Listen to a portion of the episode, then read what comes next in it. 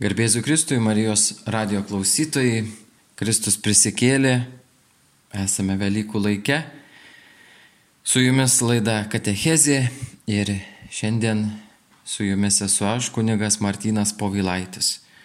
Esame gegužės mėnesyje, esame ypatingame mėnesyje, kada mūsų širdys tiesiog dega džiaugsmu, dega viltimi ir, ir meilė Dievo motinai kuriai paskirtas šitas gegužės mėnesis jau labai daug laiko. Daug amžių bažnyčia šaukėsi Marijos kaip savo pagalbos, kaip savo pirmosios pagalbos, kuri iš tikrųjų yra galingesnė už bet kokias kitas, gal žmogiškas ar, ar nežinau, šventųjų kitų pagalba. Tiesiog jinai arčiausiai Dievo, arčiausiai savo dieviškojo sunaus Jėzaus Kristaus. Šiandien norėčiau Jums pristatyti vieną iš švenčiausios mergelės Marijos arba Loreto Dievo motinos litanijos, invokacijų, krikščionių pagalba melski už mus.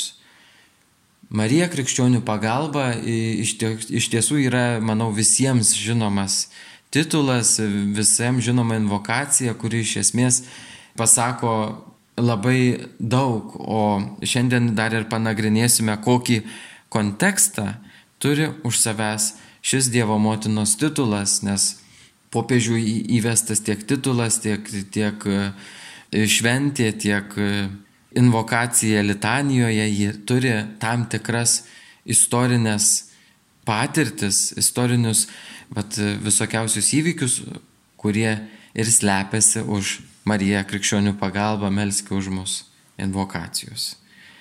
Derėtų pirmiausiai prisiminti ir išpažinti ir pasidžiaugti, kad Marija visada e, buvo laikoma gal nuo Efeso susirinkimo labiau, bet ir iki tol ir yra, ir buvo laikoma, ir yra ypatinga dėl to, kad jinai yra Dievo motina, verta Dievo motina.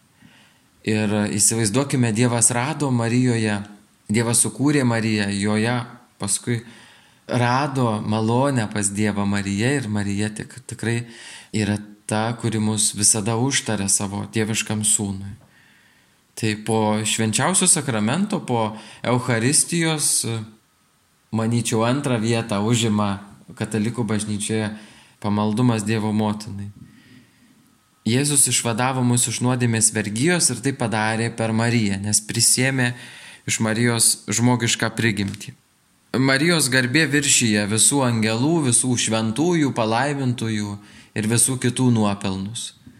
Todėl, kai apmastome rožančiaus paslaptis arba šiaip kažkokiai vat, pamaldose Marijos garbiai, dera teikti garbę Dievui ir jai ne kitų šventųjų apmastyti nuopelnus ar palaimintųjų, bet Dievo motinos, kuri yra verčiausia iš visų visų žmonių mūsų garbės ir tokio pagerbimo. Marijos krikščionių pagalbos titulo mums toli nereikia ieškoti, tačiau ta istorija Marijos krikščionių pagalbos, tos pagalbos, Marijos auxilium Christianorum titulo mes galime ieškoti bažnyčios tėvų raštuose. Šventasis Jonas Auksaburnis, iškalbingiausias rytų bažnyčios tėvas, ją vadina bažnyčios papašalų garbė ir ramščiu. Šventasis Grigalius Nazienzietis kreipėsi ją kaip į nepaliaujamą ir galingą padėjėją. Šventasis Efremas labai gražią maldą yra parašęs ir rytų bažnyčioje, ortodoksų bažnyčioje jinai ir dar dabar yra melžiamas. Gailestingumo vartus atverki mums palaimintoji Dievo gimdytoje, kad tavimi pasitikintys nepražūtume, bet būtume išvaduoti nuo visų negandų, nes tu esi krikščionių pagalba, krikščionių priebėga. Šventas Andriejus Kretietis ją vadina tikėjimo gynėja ir tikinčiųjų pagalba ir bendra visų krikščionių priebėga. Šventas Germanas, Konstantinopolio patriarchas, yra ją pavadinęs stebuklinga ir meilinga visų krikščionių priebėgai. Epifanijus šventasis, vad pavyzdžiui, rašo, stebuklų knyga, kurios autorius yra pats Dievas ir kurioje visas pasaulis galėjo išsakyti Dievo žodžio išskaityti galėjo Dievo žodžio tapusio žmogumi paslaptis. Tai iš tiesų ir Šventas Bernardas taip pat irgi, kaip žinome, labai jo yra graži, graži pamokslo dalis apie, kad e, kai tavo sielos valtį purto audros įvairiausi išmėginimai, šaukis, žvelgi žvaigždę šaukis Marijos. Ir Švento Bernardo malda, kuri mums irgi tiesiogiai nukreipia į Mariją kaip mūsų pagalba, tai yra amžiais nėra girdėta, kad tu apleistum bent vieną, kas bėga prie tavęs, šaukėsi tavo pagalbos ir prašosi užtariamas. Šventasis kunigas Jonas Bosko, didžiausias, galima sakyti, Marijos krikščionių pagalbos garbės kleidėjas ir Ir tikrai saleziečių dvasingume Marija krikščionių pagalba yra ypatinga ir, ir tikrai labai labai svarbi. Jisai sako, bandyk perversti visų istorijų ir šventų knygų lapus. Ištyrinėk visus krikščioniškojo pasaulio kampelius. Išklausinėk tautas, karalijas, miestus, sodžius ir šeimas. Paklausk jų, ar yra kas nors, kada nors atsitikę, kad Marija nebūtų atėjusi šaukiama pagalbon visuose savo sūnų ir dukterų reikaluose. Į tavo klausimą vienbalsiai visi atsakys - niekuomet. Tokia dvasia yra perimta ir visa Marijos garbinimo, Marijos pagarbos Dievo motinai, Marijos šlovinimo liturgija. Visose maldose mes prašom Marijos galingo užtarimo, pavyzdžiui, Sveika Marija maldos antroji dalis sako, Šventoji Marija Dievo motina, melski už mus nusidėlius dabar ir mūsų mirties valandą. Reiškia, Marija, jinai mums padeda gyvenime ir mirtyje, jinai yra mūsų pagalba. Taigi Marija visuomet savo Kristaus bažnyčios, savo vaikų buvo vadinama krikščionių pagalba, nes bent nebūtinai vadinama, bet tikima buvo, kad Marija yra krikščionių pagalba, nes jinai ir viešpačiui padėjo užaukti. Ir kanos vestuvėse žiūrėkime, kaip jinai rūpinosi jaunavedžių gerų vardu ir visa kita. Tai tikrai žinome, kad Marija yra tikrai tokia tyli ir labai galinga tikinčiųjų pagalba. Taigi, Marijos krikščionių pagalbos titulą dažniausiai sutinkame Loreto litanijoje arba švenčiausios mergelės Marijos litanijoje. Kaip ten atsirado kreipinys krikščionių pagalba melski už mus. 1571 metais į Europą pradėjo verštis turkai ir jie tais metais atėmė iš Venecijos Respublikos Kipro salą buvo besirengę plaukti į Italiją. Ir popiežius Šventasis Pijus V, pamatęs labai didelį pavojų, šaukėsi Ispanijos ir Venecijos pagalbos ir su tom dviem valstybėmis e, pasiekė sutartį, kad galėtų sustabdyti, netgi kariuomenės prireikė, kad galėtų sustabdyti tą invaziją žinom, ir vis tiek ir, ir kultūra keičiasi, ir, ir papročiai, ir tikėjimas, kas svarbiausiai, kad kenčia tikėjimas. Tai 1571 metais, gegužės mėnesio 25 dieną, buvo pasirašyta ta krikščioniška santarvė sutartis ir tų kariuomenių laivynai susitiko su turkais tų pačių metų spalio mėnesio 7 dieną.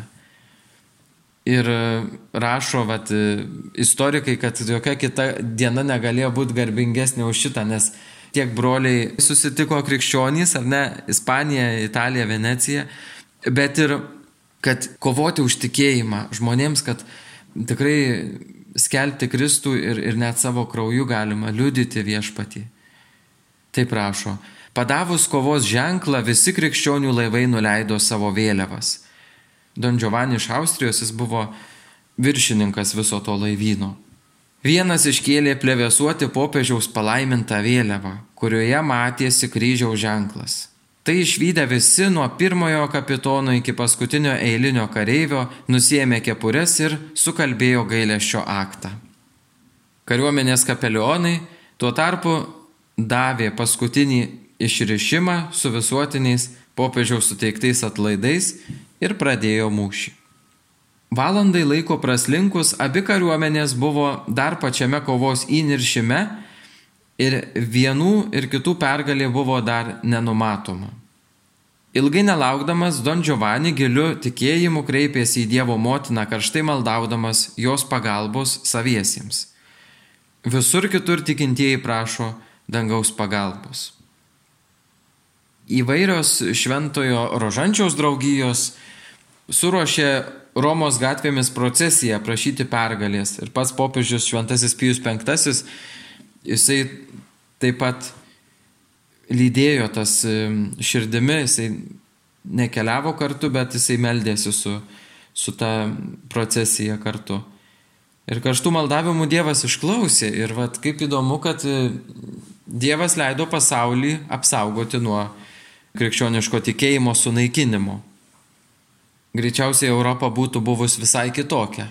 Visai būtų kita nuotaika, kitas Europos veidas, tikriausiai krikščionys būtų mažuma arba iš vis jų būtų nelikę. Ir kas atsitiko, bet kodėl e, tas Marijos pagalbos vardas išreiškėjo žmonėms, nes visi meldėsi rožančių. Rožančiaus maldą meldėsi ir, va, kaip rašo jie, Vėjas iki šiol daug padėjęs turkams staigiai nutyla ir pradeda pūsti iš priešingos pusės. Priešų laivus apsupo tirštos miglos ir dūmai. Krikščionių kariuomenė matė tame ryškų Marijos įsikišimą ir nesulaikomų drąsumų puolė priešus. Nužudo jų kariuomenės vyriausiai vadai iškelia ten šventojo tėvo vėliavą. Iš džiugaujančių pergalę krikščionių krūtinių veržėsi sutartina triumfo šlovė. Te gyvuoja Marija. Taigi ir paskui turkai pasitraukė nuo Europos, pabėgo atgal į savo kraštus ir iš tiesų visa bažnyčia džiaugiasi. Ir išreikšdamas dėkingumą švenčiausiai mergeliai už tą malonę, kad bažnyčia buvo apsaugota, kad buvo tikintieji, paprasti žmonės, kad visas, visa Europa buvo išsaugota. Už šitą malonę bažnyčia prijungė į Loreto Dievo motinos litaniją eilutę krikščionių pagalbą, melski už mus. Šventojo Pijaus penktojo įpėdinis popiežius Grigalius, Švento Rožančiaus va tos maldos veiksmingumui atminti ir, ir Marijos e, nugalėtojos šventiai atminti skyrė pirmą spalio mėnesio sekmadienį, kurią paskui e, popiežius Klemensas XI, jisai po kitos didelės pergalės su turkais paskelbė švesti visoje bažnyčioje tą šventę, kuri kalba apie Marijos nugalėtojos savybę, apie jos nepaprastą intervenciją į krikščionių tautos gyvenimą ir į kovas. Tačiau nenusileido musulmonų veikimas Europoje ir, ir tikrai buvo labai kova didelė. Manome, kad galima susi, kažkaip buvo galima gal susitarti, tačiau ir viena ir kita pusė buvo tikrai pakankamai užsispyrę ir ypač tie turkai, nes jeigu krikščioniškas tikėjimas iškyla grėsmė jam, tai tikrai nepamirškime, kad yra vertas saugoti tikėjimas, ne, ne tik tai, kad e, slėpti arba kažkaip jį kavoti. Juk viešpats Jėzus ir sakė, žiburys, žibintuvas nėra kišamas po lovą. Tai mes irgi turėtume savo tikėjimą vat, iš tų mūsų protėvių, iš tų žmonių, kurie prieš mus gyveno kovų. Turime mokytis tikrai tokio didelio uolumo tikėjime. Ne kad imti kardus, kažkokius ginklus ar dar kažką, bet kad uoliai savo tikėjimą skelbti, jį liūdyti kitiems žmonėms ir jeigu reikės savo krauju patvirtintis savo įtikėjimą. Taigi, Marijos krikščionių pagalbos šventė yra švenčiama kiekvienais metais, ypatingai saleziečių šeimoje yra švenčiama. Viso pasaulio saleziečiams tai yra pati didžiausia šventė. Marijos šventė ir apskritai mūsų dvasingumo šventė. Tai aš kaip salezietis jums noriu papasakoti apie Mariją Krikščionių pagalbą, jos šventę, nes tai, manau, yra labai galim vieni kitus praturtinti ir pradžiuginti. Taigi, kodėl Marijos Krikščionių pagalbos šventė yra gegužės 24 dieną? Ogi buvo taip, XIX šimtmečio pradžioje Napoleonas I, apėmęs beveik pusę Europos, reikalavo, kad šventasis tėvas atiduotų jam žemės ir visus tuos e, Romą, ten vienu žodžiu, visus pastatus, viską tikrai Napoleonas žinome ir, ir ėjo ir nestatė, o nemažai dalykų ir yra panaikinęs savo kelyje. Tai, vat, tai popiežius saugodamas tą paveldą, kuriuo mes šiandien džiaugiamės Romoje, kuriuo mes važiuojam, Trevi fontanai ir visi kiti dalykai, kurie mums atrodo wow, tai tikrai galėtume sakyti, ar nebuvo užsispyręs, nenorėjo atiduoti, bet tačiau jisai saugo ir išsaugojo mums šiandienai. Turim matom ir labai džiaugiamės tais dalykais. Tai, tai popiežius e, Pijus VII nenusileido ir imperatorius, įsivaizduokime, įsako šventai tėvą Pijų VII išvežti, kaip po nusidėlį ištremti, kaip, kaip tremtinį į, į tolimą šalį. Napoleonas matydamas, kaip tikintieji kelyje neleido ir kai kurie ten meldėsi ir gėlės mėtė popiežiaus karietai, nu tam vežimui, kur įvežė, iš tikrųjų supyko ir įsakė jį gražinti į Italiją kur Savonoje buvo uždarytas e, apie tris metus popiežius. Ir šventajam tėvui buvo atimtos visos knygos, net ir brevijorius. Bet to uždraudė turėti kontaktų su tikinčiaisiais. Po trijų metų tokio nelengvo ir tikrai sekinančio gyvenimo Napoleonas įsakė slaptai išvežti popiežių į, į Prancūziją. Ir pagalvokime, garbus senelis, tas popiežius jau buvo, jis atvyko į Mončesisijo taip susilpnėjęs, kad čia jam buvo netgi duotas viatikas, tai reiškia komunija mirštantiesiems, mirties pavojuje esant. Vis dėlto po dešimties tos vat, sunkios kelionės parų pasiekė paskirtąją vietą popiežius. Ir jam buvo labai labai sunku žiaurus tas e, buvo kankinantis buvimas ir krikščionys galėjo tik melstis už savo šventąjį tėvą, už šventąjį tėvą, kuris išgyvena ištrėmimą, tremtį. Ir tada popiežius Pijus VII pažada Dievo motinai, sako, aš įvesiu Mariją tavo kaip krikščionių pagalbos šventę, jei tu mane gražinsi į Romą. Nes žmonėse nu, negalėjo būti kitos vilties, kaip sakyt. Marija yra nu, va, ta pirma ir paskutinė pagalba, kurio žmogus savo vargę šaukėsi. Ir Napoleonas tuo metu buvo labai ant bangos, jisai buvo ant savo šlovės pėdestalo, jis buvo labai, labai, labai stipriai apėmęs e, didelę dalį žemių, Europos ir taip toliau. Bet jis sugalvoja Napoleonas tuo metu nukeliauti į Rusiją.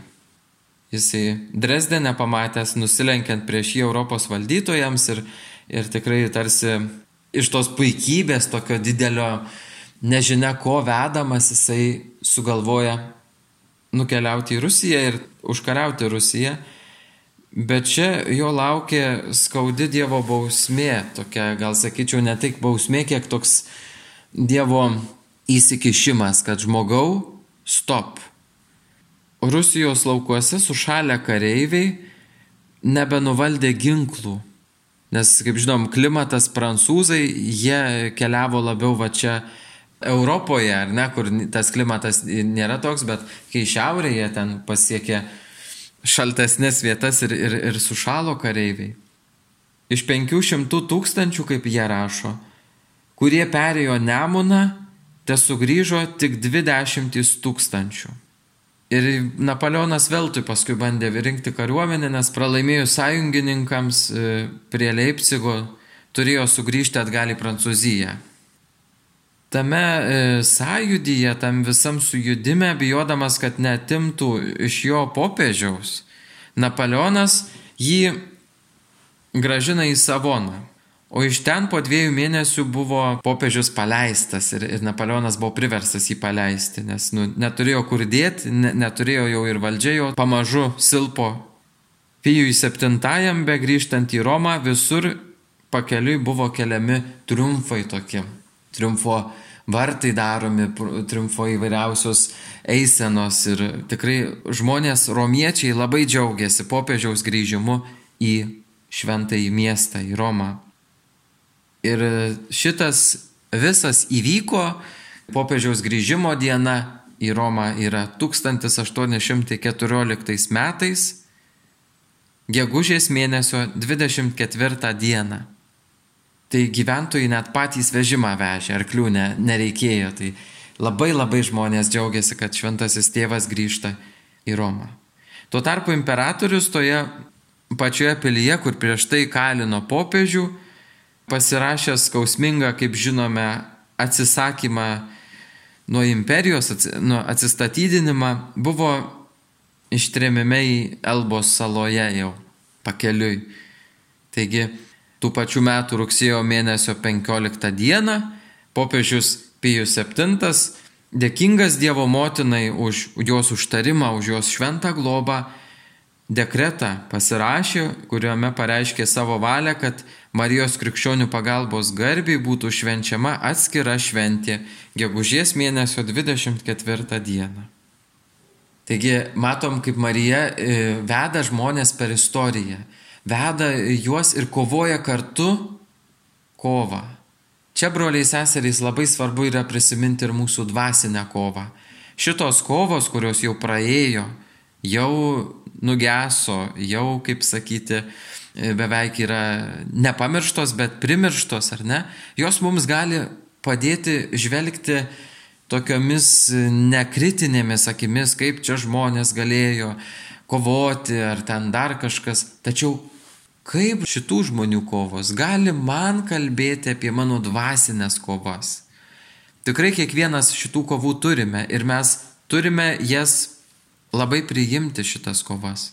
Ir negalime sakyti, kad mums, nu, yra tas pats, ar, ar mes geriau mokinsimės iš kažko kito. Ir iš šito galime pasimokinti. Kai žmogus kovoja, pavyzdžiui, su savo įdom, su savo silpnybėm, su nuodėme, kai kovojam su savo įvairiausiais silpnumais, netobulumais, Šaukimės Marijos, nes jinai yra mūsų pagalba, jinai yra mūsų motina, jinai yra mūsų džiaugsmo ir vilties ir tikrai tikros krikščioniškos meilės savo Dievui ir artimui pavyzdys. Niekada nepamirškime, broliai seserys, kad Marija yra mūsų pirmoji užtarėja pas Jėzų Kristų šalia visų kitų dalykų, kurie susiję su švenčiausia mergelė Marija krikščionių pagalba, neįmanomas dalykas, amžiais nėra girdėta, kaip Bernardas savo maldoj sako, nepaminėti šventojo kunigo Jono Bosko, kadangi jisai buvo didysis Marijos krikščionių pagalbos apaštalas. Labai įdomu, kad jis gimė vieneri metai po Marijos krikščionių pagalbos šventės įsteigimo 1815 metais. Sakytume, šviežias titulas. Galėjo žmonės labai kažkaip vat, jį mylėti ar net tą Marijos krikščionių pagalbos vardą. Tačiau manau, kad kaip ir visoje istorijoje, taip ir šitoje, šita Marijos invokacija, šitas titulas, jisai kalba mums apie tai, kad kuniga Bosko Marija vedė per gyvenimą. Per visą gyvenimą jisai ėjo su Marija, Marijoje ir per Mariją. Ir panašu, kad pasiekė dangaus džiaugsmą. Savo pastoracijoje jisai visuomet žmonės kreipia į mariologinį dvasingumą ir savo įsteigtosios saleziečių kongregacijos pagrindinę globėją išrinko Marija krikščionių pagalba paskyrė. Taip pat sukūrė, kaip jisai rašo, gyvąjį paminklą Marijos krikščionių pagalbos garbiai ir kunigo Bosko atsidavimo Marijai krikščionių pagalbai, ženklą, paminklą Marijos krikščionių pagalbos dukterų institutą. Arba kitaip seseris Alezietės, kurios visame pasaulyje darbuojasi su jaunimu. Taip pat Marijos globai, Marijos motiniškai, motiniškam švelnumui yra patikėti saleziečiai bendradarbiai kurie, būdami tikri saleziečiai, pasaulyje gyvena kaip pasauliečiai, gali būti ir kunigai, ir vyskupai saleziečiai bendradarbiai. Tačiau jie vienuolyjei priklauso dvasiniu būdu. Kunigo Bosko gyvenime Marija krikščionių pagalba darė labai daug stebuklingų ženklų, kurie, kaip rašo Giovannis Lemoine knygoje palaimintasis kunigas Jonas Bosko, jį net krėsdavo šiurpas, jisai baisiai drebėdavo po visų tų stebuklų, nes matydavo, kaip Dievas per jį vargšą nuodėmingą žmogų daro įvairiausias nepaprastas malonės teikia žmonėms. Ir įvairiausi ženklai, įvairiausi sapnai, ypatingai kunigas Bosko, kuo yra jau teko minėti kažkada jums anksčiau, yra ypatingas, nes Dievas jam kalbėdavo per sapnus. Tai Marija krikščionių pagalba vieną kartą jam sapne sako, aš noriu pastatyk didelę bažnyčią mano garbiai. Ir jisai savo mamai Margaritai sako, žinai, mama sako, Marija nori didelės bažnyčios. Mama, Marga, mama Margarita pradėjo juoktis ir sako, Jonai sako, mes neturim ko pamaitinti vaikų. Čia viskas ir, ir yra ir Švento Pranciškaus Salezo bažnytėlė. Sako, ar tu išprotėjai? Mama, kodėl tu pergyvenęs? Jis sako, jeigu Marija nori bažnyčios, tai ir pasistatys. Tai va pagrindinis mūsų broliai seserys, tas į Mariją žvilgsnis ir vat, kunigo Bosko paliktas ir mūsų vat, saleziečių, kurį norėčiau jums perteikti e, šiandien, kad Marija yra mūsų pagalba. Ir Marija yra ta motina, kuri mus laiko už rankos, kuri neištraukia tos rankos, kuri mus globoja, supuoja, užtaria, myluoja ir mus myli tol, kol mes jos šaukiamės. Užtat tam pagalbos varde, žiūrėkime, pavyzdžiui, aš visada mėgstu sakyti, kad Marija krikščionių pagalba yra mūsų Marija greitoji pagalba. Ta, kurią iškvieti, paskambini, sakai, Marija krikščionių pagalba, melskė už mus. Ir jinai iš karto yra su tavim iš karto jinai tave e, užtaria, myli. Tai Marija yra greitoji pagalba, ta, kurią mes visą laiką pirmiausiai šaukiamės ir prašom jos užtarimo. Ta bazilika, ta bažnyčia, kurią kunigas Bosko vėliau pastatė, sapne Marija jam taip sakė. Šioje vietoje, kur garbingi Turino kankiniai, Solutoris, Aventorius ir Oktavijus kentė savo kančias ir išlėjo savo kraują, Noriu, kad Dievas būtų garbinamas ypatingų būdų. Ir jinai pasirodė kaip piemenaitė, tokia labai įdomus Marijos įvaizdis, ar ne? Marija ta, kuri jinai nėra ganytojas. Žiūrėkim, ganytojas jisai yra atsakingas už bandą, o piemenaitė jinai tuo metu, kaip būdavo, vaikam duodavo kaimuose piemenauti. Tai Marija yra mūsų geroji piemenaitė, kuri mus veda per visokiausias audras, kuri mus e, globoja, daboja, kaip sakytų. Ir tikrai labai gražus Marijos įvaizdis, kuris vat, kunigui Bosko atsiskleidė. Ir jisai statydamas tą baziliką, bažnyčią Marijos krikščionių pagalbos labai įdomu buvo, sakė, kad kiekviena plyta, kiekvienas akme, akmenėlis ir kiekvienas cemento luitelis yra Marijos malonė už kažkokią malonę žmonės aukojo, dėkojo. Ir Marijos krikščionių pagalbos, vat, toj bazilikoje yra labai gražus paveikslas, kuriame yra nupiešta centre Dievo motina, laikanti kūdikį, apsirengus raudonai, mėlynu drabužiu, palaidais plaukais, laikanti savo dieviškai kūdikį ant rankų ir Jėzus yra išskėstom rankom. Dešiniai rankoje Dievo motina laiko skeptrą. Ir ant galvų turi Jėzus ir Marija karūnas. Ir aplinkui paštalai. ir evangelistai. Ir po apačia yra nupiešta Marijos krikščionių pagalbos bazilika, ta, kurioje yra tas paveikslas. Marijos palaidi plaukai reiškia jos nekaltai prasidėjimą, kadangi Marija yra amžinai mergelė ir nekaltai pradėtoji. Jos karūna ir Jėzaus karūna reiškia, kad jinai yra karalienė. Ant visko, ką mes patiriam, ką mes jaučiam, ko bijom, su kuo kovojam, ko nemylim, ant visko Marija yra karalienė. Ir iš tiesų mes turėtume, matydami tuos šventus paveikslus, tikrai labai labai skaityti juos, išmokti, mokytis, nuolat skaityti, kad Marija yra mano karalienė, Marija yra nekaltai pradėta, ta, kuriai nereikia slėpti savo plaukų, ta, kuriai nėra ko slėpti. Čia primena mums ir Jėvos pirmosios moters e, įvaizdį, kuriame jinai iki nuopolio buvo neprisidengus. O paskui po nuopolio jie su Adomu iš figos lapų pasidarė drabužius. Tai vad Marija yra ta, kuriai nereikia slėptis, kuriai nereikia nieko prisidengti. Taip pat e, Marijos dešinėje rankoje matome skeptrą.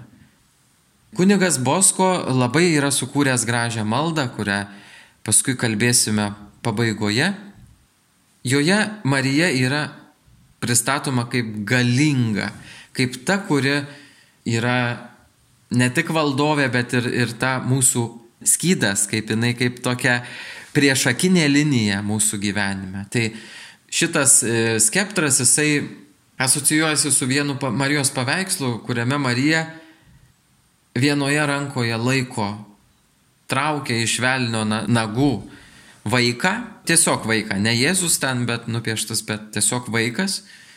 Ir kitoje rankoje jinai laiko tokią lasdą, kuoką tokią, laiko, kurią jinai tam velniui užsimojus tuoj duos. Tai vad Marijos krikščionių pagalbos, ta lasda skeptras, jisai yra stilizuotas, tačiau mes e, Saleziečių istorijoje žinom, kad kunigas Bosko va tokį turėjo Marijos įvaizdį, kad jinai kovoja mūsų kovas, kad jinai padeda mums ir kad jinai gali tikrai visiems velniams nukius uždaužyti. Savo sūnaus vardu, savo šlovingu nekaltuoju prasidėjimu ir visomis savo darybėmis. Taigi, nepaprastas ženklas iš tikrųjų ir pačiam kunigui Bosko buvo Marijos artumas. Ir kodėl jis pasirinko ir šitą titulą, Ir kodėl visi vatsaleziečiai visame pasaulyje meldžiasi šitų titulų, visas maldas baigia dažniausiai, jeigu būna prieš tai kažkokia malda, paskui pabaigiam Marija krikščionių pagalbą melskį už mus. Todėl, kad kunigas Bosko, kunigui Kaljero, jis paskui tapo pirmoju kardinolų saleziečiu, sako, kunigė Bosko, kodėl Mariją mes vadinam krikščionių pagalba? Toks būtinis klausimas.